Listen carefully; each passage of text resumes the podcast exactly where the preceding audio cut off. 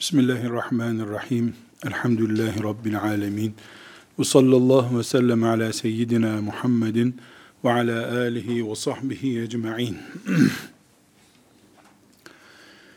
Hicretin 14. senesinde Ömer bin Hattab radıyallahu anh'ın halife oluşunun da ikinci senesinde Müslümanların tarihinde afet olarak isimlendirilecek, isimlendirilebilecek olaylardan biri bir Cisr Savaşı, Köprü Savaşı diye bir savaş var. Orada Müslümanlar epey bir zayiat verdiler. Bu savaş Pers İmparatorluğunu, bugünkü İran yerinde bulunan Pers İmparatorluğunu ciddi bir şekilde umutlandırdı. Onlar da Rüstem isimli bir komutanın etrafında toplanıp İslam'a ve Müslümanlara son darbeyi vurmayı planladılar. Akıllarınca İslam'ı Orta Doğu bölgesinden tamamen atacaklardı. Bu bilgiler Medine'ye geldiğinde Ömer bin Hattab radıyallahu anh İslam'ın kökleriyle oynamak gibi bir tehlike söz konusu olunca bir tür seferberlik ilan etti. Başında kendisinin bulunduğu bir ordu ile İran'dan girip ta Çin'e kadar çıkmayı planladı. Adeta. Ashab-ı kiramdan büyükleri böyle yapma sakın. Sen Medine'de kal, Allah'ın arslan kullarından birisini gönder diye teklifte bulundular. O da Sa'd bin Ebi Vakkas radıyallahu anh ashabında istişaresiyle görevlendirdi. Sa'd bin Ebi Vakkas 30 bin kişilik kadar bir ordu kurdu. Bu ordu 120 bin kişilik İran ordusuyla savaşacaktı. Daha önce ki çok kısa zaman önceki bu mağlubiyetin moralsizliği de vardı. Bir de İran yani Pers o gün dünyanın bugünkü Rusyası durumunda. Roma'dan sonra ikinci büyük devlet, bir imparatorluk neticede binlerce yıllık geçmişi olan büyük bir imparatorluk. Ömer bin Hattab radıyallahu anh, Sa'd bin Ebi Vakkas radıyallahu anha o savaşa mahsus olmak üzere daha önce ağır suçlar işledikleri için İslam ordusunda cihad etme hakkı kendilerinden alınmış olan sabıkalıların bile orduya çağrılmasını emretmiş. Dolayısıyla daha önce irtidad ettiği için sonra da tekrar Müslüman olduğu için sabıkalı bilinen pek çok isim de orduya çağrılmış. Çünkü bu Pers İmparatorluğu'nun büyük hamlesi karşısında gerekli tedbirler alınmazsa eğer ümmeti Muhammed'in çok büyük bir zayiata uğrayacağı, belki Medine işgal edilmese bile mesela bugünkü düzeye İslam'ın gelmesi hayal edilemeyecek kadar ağır bir darbe yenecekti. Sa'd bin Ebi Vakkas radıyallahu anh 30 bin kişilik bir ordu topladı. Bu ordu Kadisiye denen bir yerde e, hazır savaş için bekledi. Rüstem denen onların çapındaki büyük komutan da kendi toprakları zaten orada büyük bir hazırlık yaptılar. E, hem Rüstem tarafı hem de Sa'd bin Ebi Vakkas radıyallahu anh'ın tarafı, iki taraf da bu savaşın tarihin seyrini değiştirecek bir savaş olduğunu bilerek hazırlık yaptılar. Gerçekten Kadisiye Savaşı dünya tarihinin seyrini değiştiren e, çok önemli ilk 10 savaştan biridir mesela. Evet Bedir Savaşı çok büyük bir savaştır. İslam'ın küfre karşı savaşıdır ama e, Mekke topraklarında yaşayan iki nesil, küfür nesli ve iman neslinin kavgası olduğu için büyüktür. Kadisiye bir imparatorluğu tarihe gömmüştür. Dünyanın o güne kadar gelen iki uygarlığından birisini yok yapmıştır. Yani dünya tarihi açısından da çok önemli. İslam'ın önünün açılması, mesela Türklerin İslam'la şereflenmeleri de kök olarak bu savaşın kazanılmasına dayanıyor. Yani bölge, Kadisiye bugünkü Irak topraklarında kalan bir yer.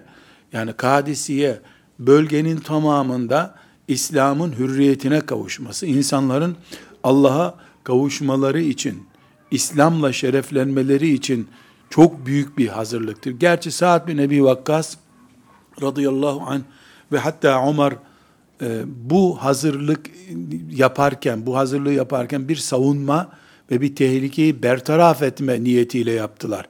Çok büyük bir böyle gelecekte Türkler bile Müslüman olacak, Çin'e açılacağız. Bunu düşünmeye vakit bulamadılar. Çünkü basit bir operasyonda büyük bir Müslüman zayi oldu. Neticede bu bir e, zayiattı. Dört gün sürdü Kadisiye Savaşı. 8500 Müslüman çoğu sahabi ve tabiinden olmak üzere 8500 Müslüman şehit oldu. 120 bin kişilik ordusuyla da Rüstem perişan oldu. Rüstem'in e, Allah'ın lütfuyla cesedi parça parça edildi. İran İmparatorluğu dördüncü günde tarihe gömüldü. Dünyada dört günlük bir savaşla son bulmuş bir uygarlık yoktur. Uygarlıkların çöküşü olur. 20 sene 30 sene sürer. E, 30 mesela Osmanlı Devleti'ni kendi yaramız olarak alalım. E, 150-200 sene sürdü çöküşü. 200 sene sonra hasta adam hasta adam sonunda hastayı öldürdüler. Elleri eğer deyimleri doğruysa. E, Pers İmparatorluğu ise Sa'd bin Ebi Vakkas radıyallahu anh'ın elinde dört gün dayanabildi. E, rakamlar 30 binle 120 bin arasındaki uçurum çok çok dikkat çekici bir uçurum. Ümmeti Muhammed'in girdiği bu büyük savaşta çok büyük bir ordusu da yoktu. Birinci dereceden çok kaliteli mücahitleri, Halid bin Velidleri filan da yoktu. Sadece Sa'd bin Ebi Vakkas, Muire İbni Şube gibi ashab-ı kiramın ağır topları vardı. Bu savaştan bugüne bir ders aktarmamız lazım. Hiçbir savaşın, hiçbir olayın bize yansıması yoksa değeri de yok demektir. Bana ne orada dört gün savaş yapılmış, ölen ölmüş, yaşayan yaşamış. Bu bana ne denir? Ama bugün Müslümanlar olarak biz bu olaydan bize taşınmış dersler çıkarabilirsek, biiznillahü teala kadesiye ruhu yaşarız demektir. Hayır, biz eğer bunu beceremezsek, nauzu billah, her gün bir zayiat, her dönem bizim için bir perişanlık dönemi olabilir maazallah. Burada e, savaşın ayrıntılarına girme gibi bir niyetim yok. E, savaş dört gün sürmüş. Çok e, fazla denebilecek bir ayrıntı da yok elimizde zaten. Ama savaştan bilhassa İbn Kesir'in El Bidaye ve Nihayesinden özetleyerek anlatacağım. Savaşın ayrıntılarında gizli bazı sırlar var. Ben Müslümanların Allah'ın abdestindeki ne hikmetler var ki her gün bize en azından beş defa abdest almayı emrediyor diye araştırmaları ne kadar değerliyse, abdestteki hikmetleri çözmek ne kadar değerliyse, Kadisiye'nin sırlarını çözmenin ondan daha fazla değerli olduğunu düşünüyorum. Abdestin değersizliğinden değil, abdestin hikmetini çözmek gibi bir vazifemiz yok, çözme imkanımız da yok zaten. Abdest ibadettir, kayıtsız şartsız yapılır. Hikmetini anlayamadık başı mesetmenin diyelim, yapmayacak mıyız bunu? Abdest ibadettir, namaz ibadettir, oruç ibadettir. Hikmeti, gerekçesi, sırrı araştırılması yasak zaten bunun. Böyle bir irdeleme yapamayız. Ama kadisiye, ayrıntılarına girildiğinde bugün ümmeti Muhammed'e çok şey katacak bir olay. Dolayısıyla abdestin hikmetleri diye doktora tezi yapacak yerde ümmet olarak Kadisiye nasıl başladı, nasıl devam etti, nasıl bitti sorusunu incelememiz çok daha değerli ve aciliyeti olan bir iş. Bu savaşta Rüstem çok şımarık başladı. Çünkü karşısındakiler bir defa kısa bir zaman önce mağlubiyet görmüş bir ordunun kalıntıları. Yani İslam ordusu ona göre perişanlık yaşamış bir ordu zaten. Bir ikincisi yüzlerce kilometre öteden yürüyerek gelmişler veya at sırtında gelmişler. O kendi topraklarında. Üçüncüsü İslam'ın kuruluşunun 14. senesinde Rüstem'in devleti bininci senesinde. Ortada bir uygarlığı var Rüstem'in. Pek çok silah o gün kullanılıyor. Ve bugünkü teknolojiyle şöyle ifade edelim. Bugün bir ordu yaya 100 bin kişiden oluşuyor. Öbür ordu da 100 tanktan oluşuyor. Bu orduların savaşının sonu belli. Elinde tank bulan perişan edecek, öbür tarafı ezip geçecek. İran ordusu o gün fillerle donatılmış bir ordu. Fil demek 50 tane asker kuşatsa bile hayvan burnuyla onları atıyor. Ok atıyorsun o kitap ok acıtmıyor hayvanı. Derisi kalın. Ancak yakınından mızrak attığın zaman hayvan yaralanıyor. Ve yere düşmüyor gene. Üzerine yürüyor bu sefer. Tam tank gibi bir şey. Biz fili Mekke'ye Ebrehe'nin ordu getirmesinden de hatırlayabiliriz. İslam ordusunda sadece at var ve develer var.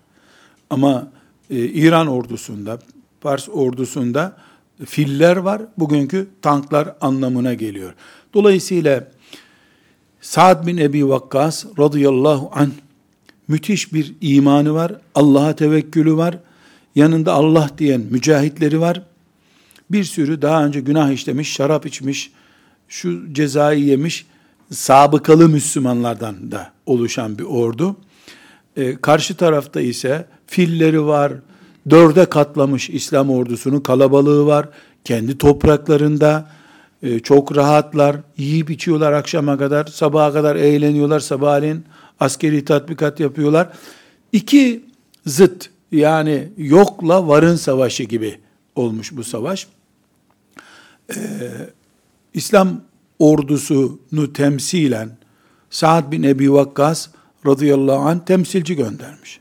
Rüstem de gelsin elçileriniz görüşelim demiş.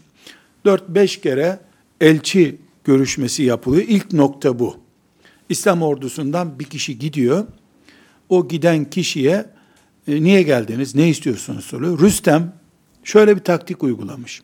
Şimdi bugün mesela ilk giden El-Mughire İbni Şube radıyallahu anh ashab-ı kiramdan gidiyor. Bu ilk gidene ha bunları bir düşünelim diyor. Bir hafta sonra gün veriyor. Üç günden fazla süre tanımayız diyor. Resulullah sallallahu aleyhi ve sellem üç günden fazla düşmanla görüşmeyi uzatmayın buyurdu bize diyor. Öyle mi? Üç gün sonra görüşelim diyor Rüstem. Üçüncü gün bir elçi daha gidiyor ne diyorsunuz diye üç gün daha süre alıyor. Üç gün daha süre alıyor.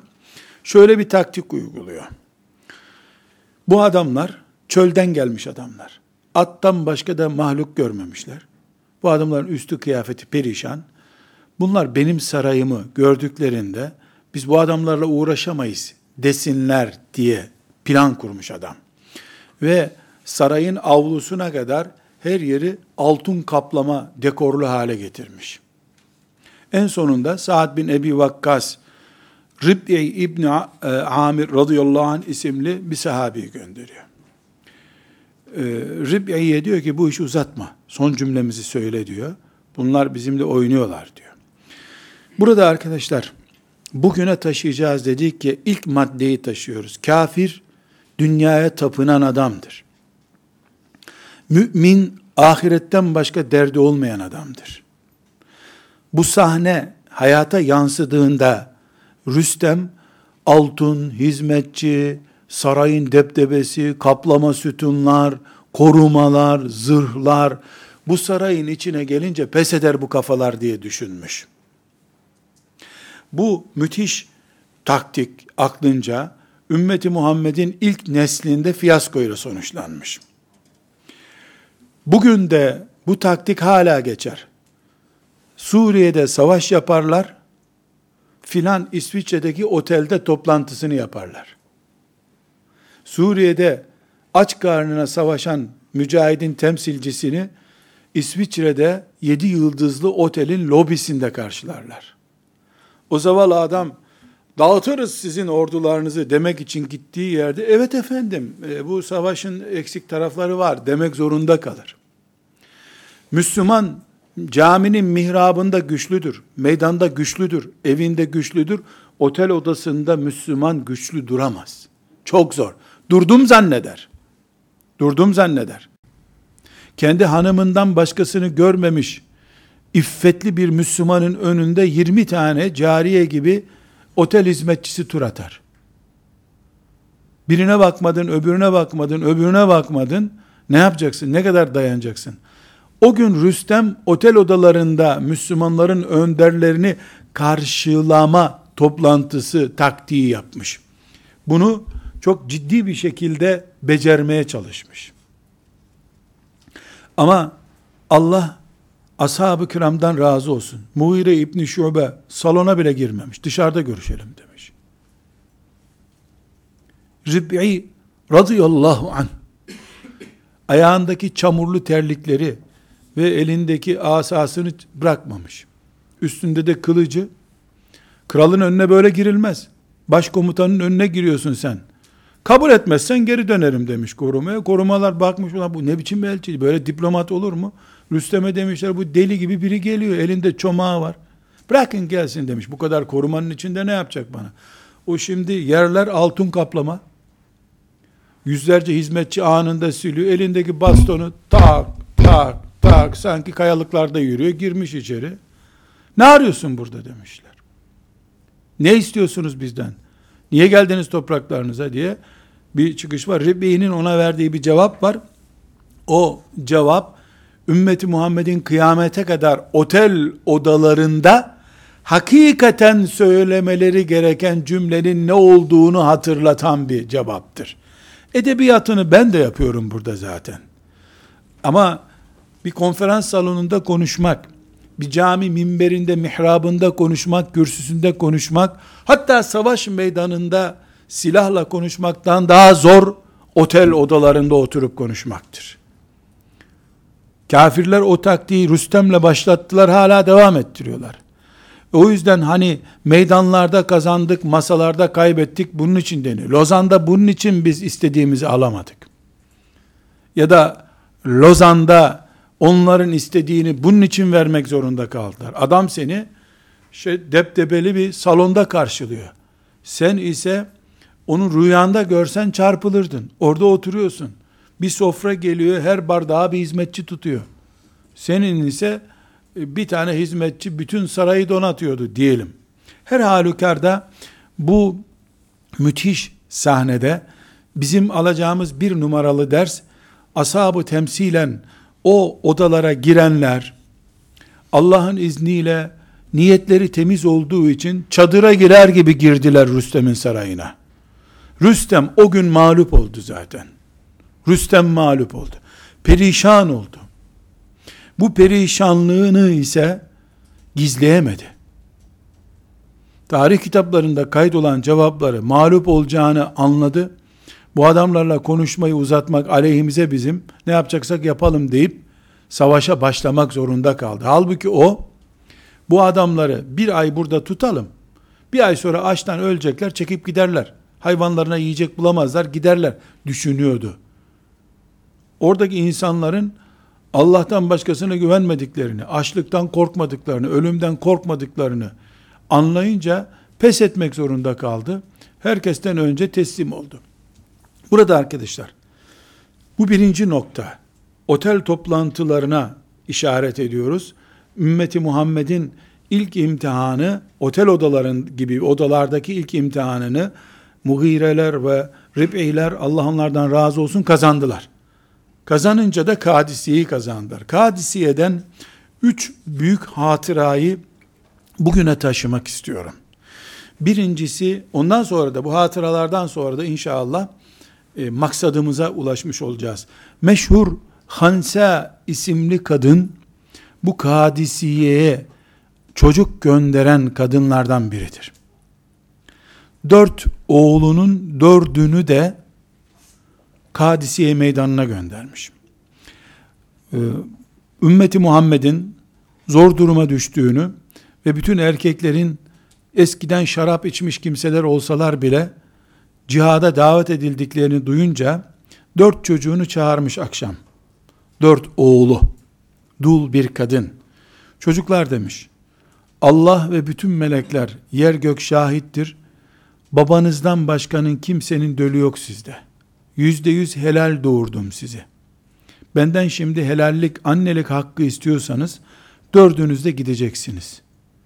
Saad'ın ordusuna katılacaksınız diyor. Dördüncü gün, dördü de gidiyor. Dördüncü gün cenazeler ve şehitlerle uğraşılırken bu kadına dört oğlunun da şehit düştüğü haberi veriliyor. Ellerini kaldırıyor.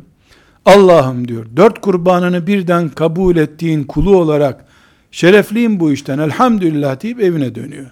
Çocuklarımın cesedini gösterin bakayım onları nere gömdünüz böyle bir dert yok. Dört kurbanımın dördünü de kabul ettin sana hamdolsun diyor. Demek ki Sa'd bin Ebi Vakkas radıyallahu anh'ın e, ihlasına karşı Allah liderdeki ihlasa karşı ümmetin kadınlarına bile bu yüreği vermiş. Ümmetin en cılız dul bir kadını ki dul kadın cılız kadın demektir. O bile ümmeti Muhammed'in şerefini kurtarmak için hayatta olan dört oğlunu kurban vermekten zevk alıyor. Bu sahneyi bugüne nasıl taşımamız gerektiğini yorumlamak istemiyorum. Bunu yorumlamıyorum. Ama meseleyi sadece arz asker göndermek, sadece diplomat e, göndermek olarak anlayan, zenginlerin de çocuklarını askerlik yerine şu bürokratik eylemle, şunla bunla geri hizmetlerde tüketmelerinin meşhur olduğu bir günde bunu yorumlamak istemiyorum. Hepimiz iman sahibiz elhamdülillah. Neye askerlik deniyor, neye cihat deniyor, neye şehit deniyor denmesi gerekiyor. Bunu herkes imanına göre tartacak. İkinci Kadisiye'yi Kadisiye yapan, bir medeniyeti, bir uygarlığı yerle bir eden ve İslam medeniyetini Orta Doğu bölgesinin ve Asya'nın ana medeniyeti haline getiren savaşın ayrıntılarından üç ayrıntıya işaret edeceğiz dedik. Bunlardan biri de Abdullah İbni Ümmi Mektum radıyallahu anh'tır. Abdullah İbni Ümmi Mektum Kadisiye için Ömer yollara dökülecek, Ömer gidiyor denince o da gitmiş. Giden bir gruba katılmış. Abdullah İbni Ümmü Mektum hakkında Abese suresinin ilk ayetleri inen ama sahabidir. Sana ama geldi, amayı niye horladın diye Allahu Teala'nın ayet indirdiği e, sahabilerdendir. Resulullah sallallahu aleyhi ve sellemin müezzinliğini yapanlardandır. Ve aynı zamanda Efendimiz sallallahu aleyhi ve selleme Medine'de imamette vekaletlik yaptığı da rivayet edilir. Dolayısıyla büyük bir sahabi, Kur'an-ı Kerim'in ayetiyle sabit cihada gitmesi de farz değil. Medine'den o da yola çıkmış. Kadisiye'ye gelmiş. Kadisiye'de demişler ki Abdullah sana bir ihtiyaç yok burada amasın sen. Amaya zaten Allah emretmiyor. Sen bizim ayağımıza takılacaksın şimdi burada. Ne ne vereceksin bize? Ne hizmet edeceksin? Cevaba dikkat ediyoruz. Kadisiye ruhu ve bugün ümmeti Muhammed'in muhtaç olduğu şeyi konuşuyoruz. Rabbani adamlarla uygar adamlar arasındaki farkı gösteriyor bu. Evet, sizin için yapacağım çok şey yok ama bir kişi de olsa kalabalık göstermem mi sizi diyor. Bir kişi de olsa kalabalık göstereceğim ben sizi diyor. Medine'den niye çıkmış gelmiş? Bir kalabalık ihtiyacı var. Evet bu kılıcı nere vuracağını bilmiyor. Ama çünkü. Ama dışarıdan bakıldığında bir kişilik bir asker nefer görülüyor. Kim bunun uzaktan ama olduğunu görecek. Bir kişi kalabalık görünsün bu ordu diye geldim diyor. Bu ruh bir kişiyle mi bu iş toplanacak ruhuyla değişince otelde de kaybediyorsun, masada da kaybediyorsun. Meydanda da kaybediyorsun. Kazananlar bir kişi de olsa kalabalık görünsün ümmeti Muhammed diye çalışıyor. Bu adam demek ki abdesti olmadan bile camiye gidecek. E, camide cemaat kalabalık görünsün diye. Bu ruh Kadisiye ruhudur. Rabbani adam ruhudur. Sonra bakıyor ki işler kızıştı işte herkes konuşuyor şu kötü filler saldırdı filan deniyor. Ordunun geri kaçma tehlikesi söz konusu. Yani her ordu can taşıyor çünkü. O günkü savaş taktiğinde bir kişi sancağı taşıyor. Sancak işte kelime-i tevhid diyelim Sa'd bin Ebi Vakkas radıyallahu ordusunda. O sancak düştü mü karşı taraf bağırıyor. Yıkıldılar diyor. Onun için sancak davası, bayrak davası buradan geliyor. Şimdi bayrak filamalarda, yukalarda, e, direklerde duruyor ama o gün elde taşınıyordu. Abdullah İbni Ümmü Mektum ordu komutanına diyor ki sancağı bana verin diyor. Ya ama adamsın başımıza bela alma bu sancağı niye sen taşıyasın ki diyor. Ya iyi işte diyor. Karşı tarafın ağır öldürmek için geldiğini görüp kaçamam ben diyor. Dolayısıyla sancağınız hiç düşmez diyor. Ama gören bir adama verdin mi bu sancağı? Eyvah adamlar kalabalık geliyor deyip geri çekilecek. Ben hiç geri çekilmem. Nasıl olsa kimseyi görmüyorum diyor. Verin bana bu sancağı diyor. Kadisiye ruhu. Rabbani adam ruhu. Ve sancak onun elinde şehit oluyor. Resulullah sallallahu aleyhi ve sellemle yaşadığı tatlı hatıralarla Medine-i Münevvere'de ölse bizim için hiçbir şey değişmeyecekti. Canımız Abdullah diye onu sevecektik. Ömer de buna çok hürmet edermiş. Onu gördüğü zaman sokakta onun yürüdüğü taraftan yürümek istemezmiş. Yani onunla karşılaşmayayım diye.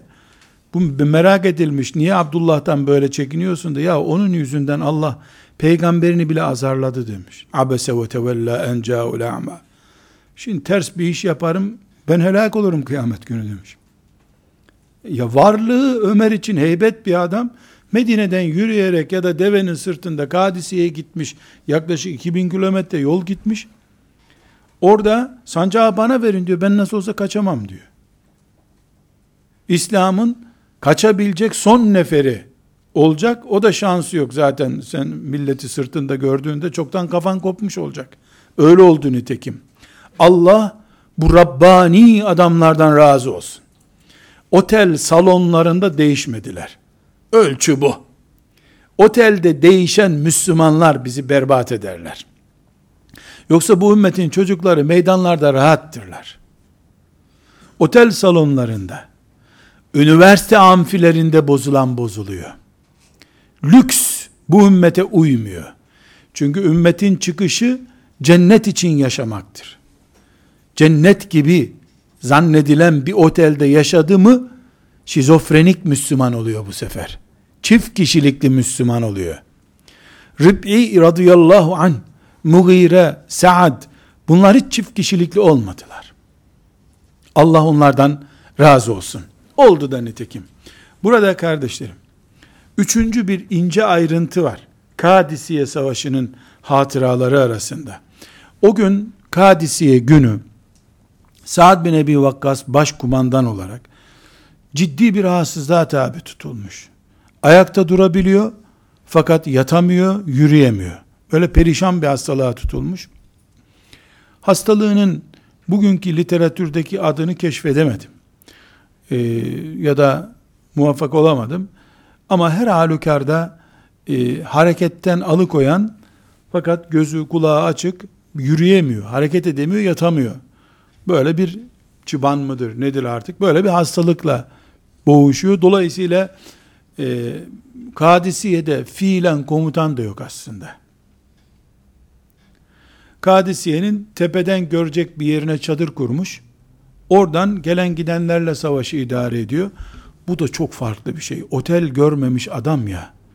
Kendisi olmadığı halde sözü elçiyle taşınıyor. Şuraya gidin, şurayı önce alın, şunları getirin.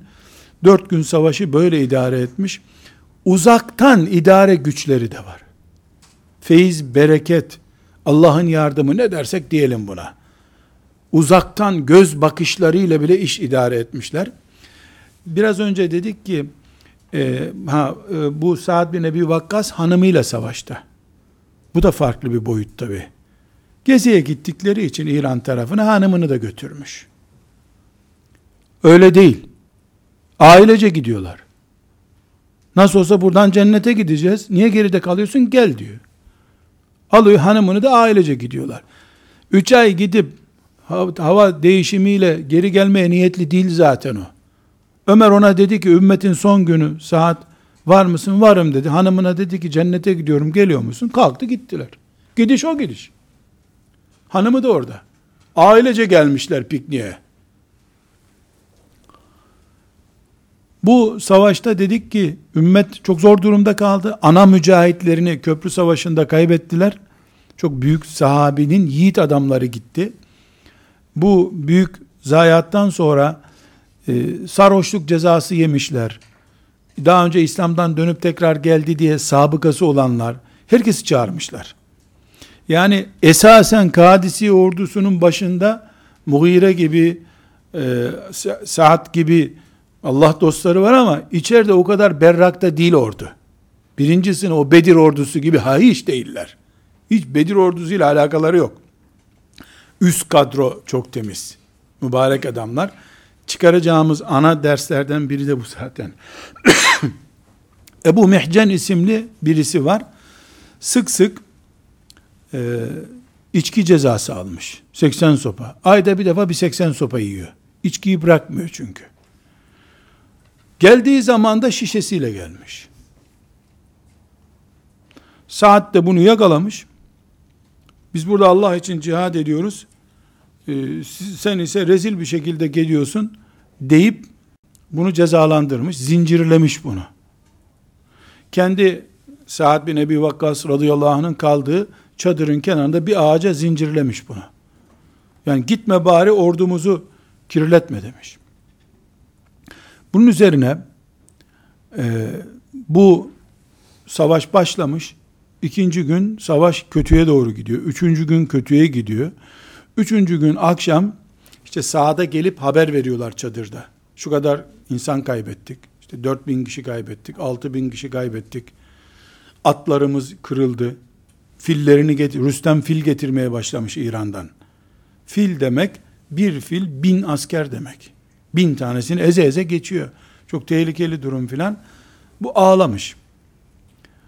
Ee, Sa'd bin Ebi Vakkas'ın karısını çağırmış yanına. Hanımını. Allah ondan razı olsun. Abla demiş senden bir şey rica edeceğim demiş. Ne istiyorsun benden demiş. Zincirli bu. Cezalı. Bu zincirlerimi çöz. Sa'd'ın atını da bana ver demiş. Ne yapacaksın sen onları demiş. E görmüyor musun ümmetin perişan halini demiş. Ben bu atı alıp gideyim. Eğer orada ölür gidersem kaçtı dersin kurtulursun. Eğer sağlam kalırsam söz veriyorum gelip bu zincirlere kendimi bağlayacağım merak etme demiş. Arkadaşlar ya ne diyeceğimi bilmiyorum. Bir sarhoş ümmeti Muhammed'in en büyük adamlarından birisinin hanımı Sa'd bin Vakkas Efendimiz sallallahu aleyhi ve sellemin dayı çocuğu. Öyle şaka bir sahabi değil. Onun hanımı da herhalde Hacı teyze değil. Sahabe bir kadın. Onunla konuşuyor. Verdiği söze bak. Sarhoş ya. Adam sarhoşluktan tutuklanmış. Bana ne teminat verirsin diyor. Allah'a şahit gösteriyorum diyor. Sarhoş Allah'a şahit gösterir mi? Tamam diyor. Çözüyor zincirlerini. Saad'ın atını da veriyor ona. Kılıcını da veriyor. Şimdi diyelim ki 200-300 metre mesafeden e, bu çadır ordunun gerisinde. Gidiyor. Ebu Mihcan gidiyor. Allah ondan razı olsun. Bu savaş kızıştığı bir esnada sabahleyin Saad bin Ebi Vakkas çadırından seyrediyor. Hanımına diyor ki hanım diyor bu savaşın seyri değişti diyor. bir çılgın önde dolaşıyor diyor. Atı benim ata benziyor ama diyor kimdir merak ettim bu adamı diyor. Atını tanıyor, üstündekini tanıyamıyor. Bu at benim ata benziyor diyor. Hiç hanımız ses yapmıyor. Büyük suç işlemiş çünkü. Ordu başkumandanın atını sarhoşluktan ceza yemiş birine veriyorsun sen. Bu, bu affedilir bir suç değil. Öğleye doğru savaş bitiyor. Savaş bitince Ebu Mihcen geliyor, sağ kalmış, zincirliyor kendisini. Ve e, mücahitler geliyorlar, elhamdülillah kazandık diyorlar. Saat diyor ki, dünküye göre ne değişti diyor. Oradaki vekil komutanı diyor ki, valla ne değiştiğini bilmiyoruz ama içimizden biri coştu diyor. Deli dolu hareketler yaptı. Hainler de korktu. Rüstem kaçtı. Kaçınca peşine gittik. Rüstem'i bir dereye düşürmüşler. Derede boğulmamak için çırpınırken öldürmüşler Rüstem'i. Rüstem'in öldüğünü görünce de askerleri topluca kaçtılar. Ya Rüstem'i kim kovaladı diyorlar. Senin atın gibi atı olan Belkade'nin bir atı var. Senin atına benziyordu atı ama adamı tespit edemedik diyorlar. Kadın dayanamıyor. Saat diyor. Dün böyle böyle bir olay oldu. O at senin atındı. Üstündeki de Ebu Mehcen'di diyor. Ya Ebu Mehcen aşağıda değil mi diyor. İniyorlar. Ebu Mehcen ağaçta bağlı. Saat olayı öğreniyor.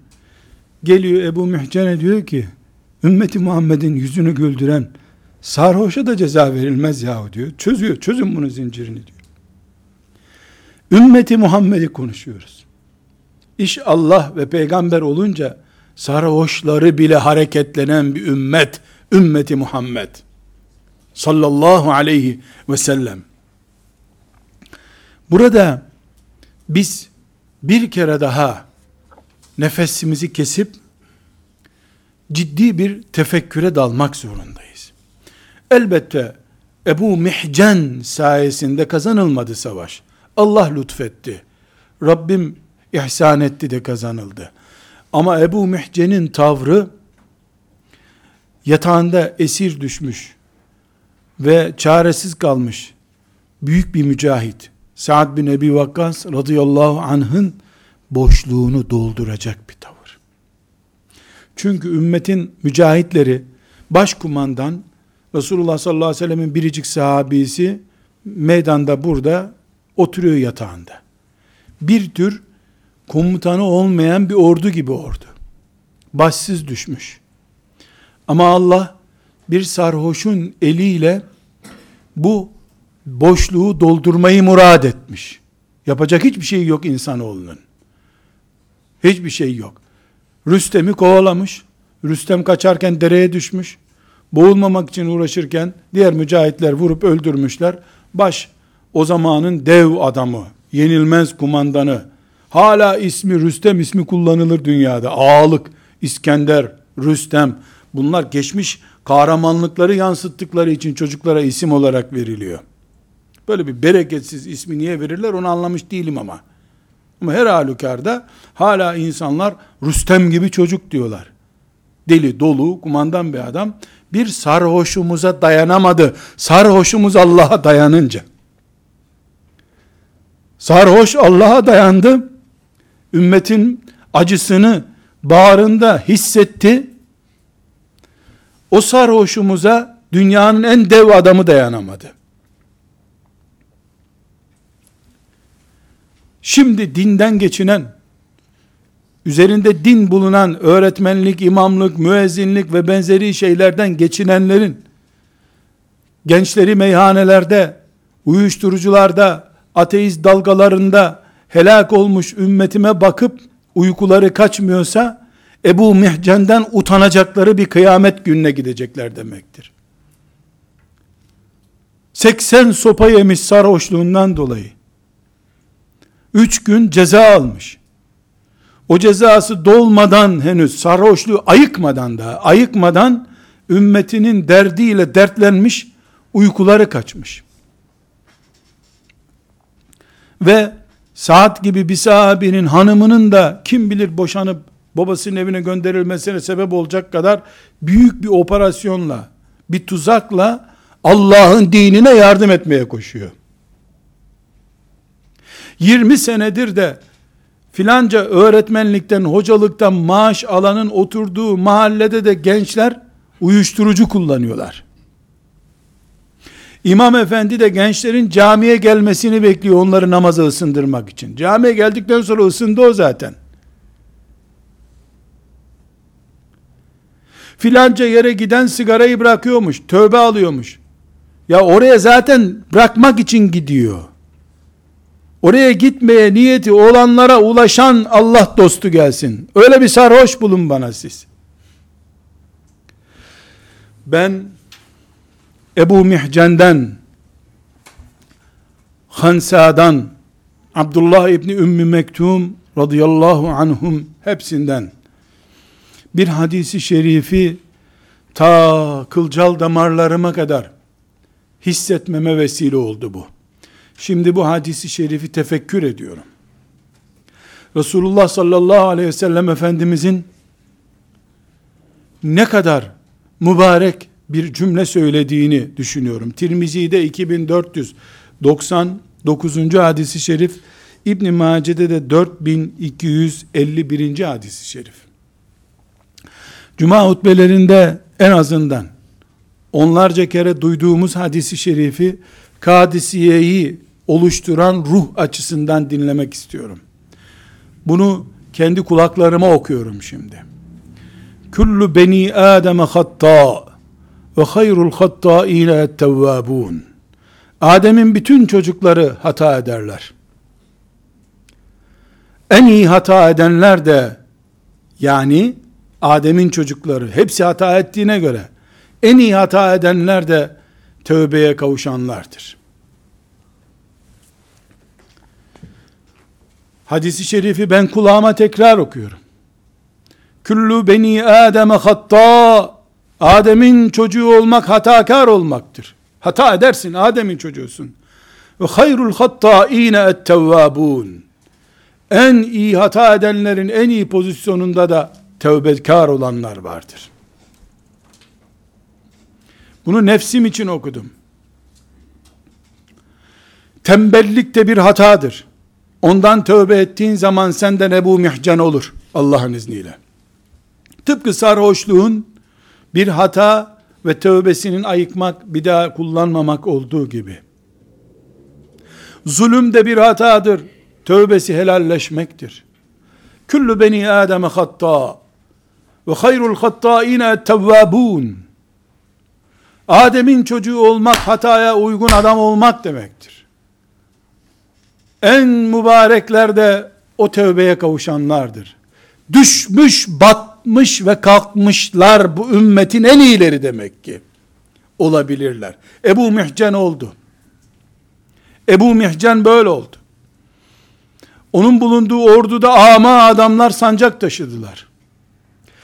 Ayağa kalkıp yürüyemeyecek kadar, sırt üstü yatamayacak kadar ağır hasta bir kumandan, 120 bin kişilik bir orduyu perişan ederken, bu ruh, bu haleti ruhiye sayesinde perişan ettiler. Allah bunlara yardım indirdi.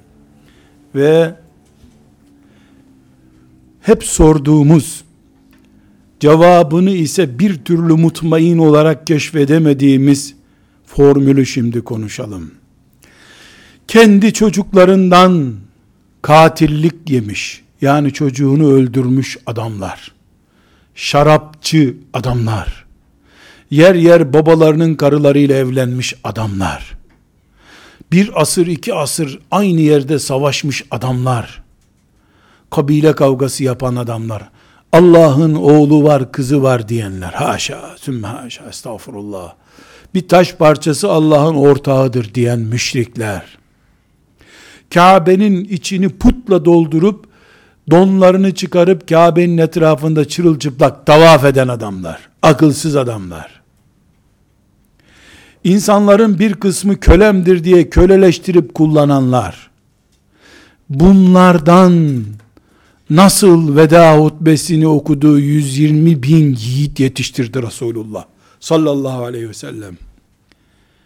Bunlara tevbenin tadını tattırınca Adem oğlunun en iyileri oldular işte. Bu formüldü bu.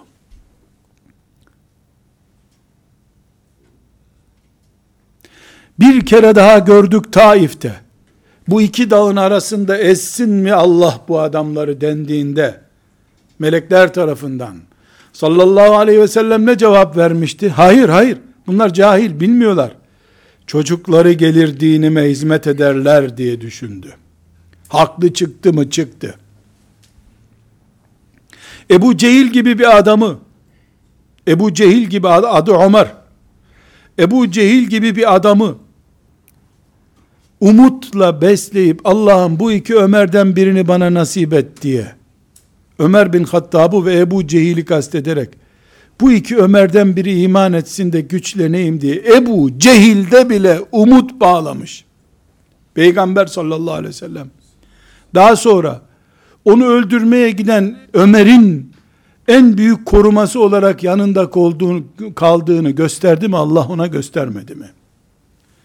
Bir kere daha hadisi okuyoruz. Hadislerle dirilmek istiyoruz çünkü. Hadisi şeriflerde sadece alkolü bırak diye bir tövbeyi mi teşvik ediyor? Yoksa bir felsefeyi, hayata bakışı ve ümmeti Muhammed'in ayağa kalkış tarzını mı gösteriyor? Sallallahu aleyhi ve sellem Efendimiz. Küllü beni Adem hatta. Adem'in bütün çocukları hatakardır. Allah'ın koruduğu peygamberleri hariç. Ve hayrul hattâine ettevvâbûn. Tövbe edenlerse hatakarların en iyileridirler.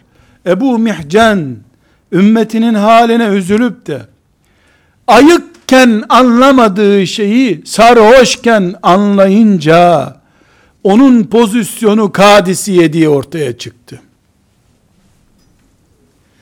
Ben bugün bir şey söylemek için bu gündemi yaptım.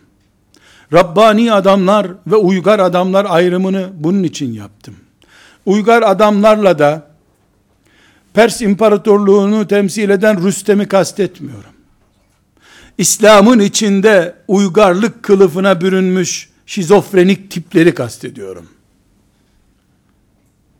Ümmeti Muhammed'in kurtulması için Evliyaullah'ın sabaha kadar zikir çekenlerinden bir ordu kurmayı düşünenlerin boş işle uğraştıklarını anlatıyorum. Eğer biraz Ömer kafası olsaydı bizde, sarhoş, irtidat etmiş sonra İslam'a gelmiş, günahkar, suçlu, kız kaçırmış bilmem ne kadar varsa, dava Allah davasıdır.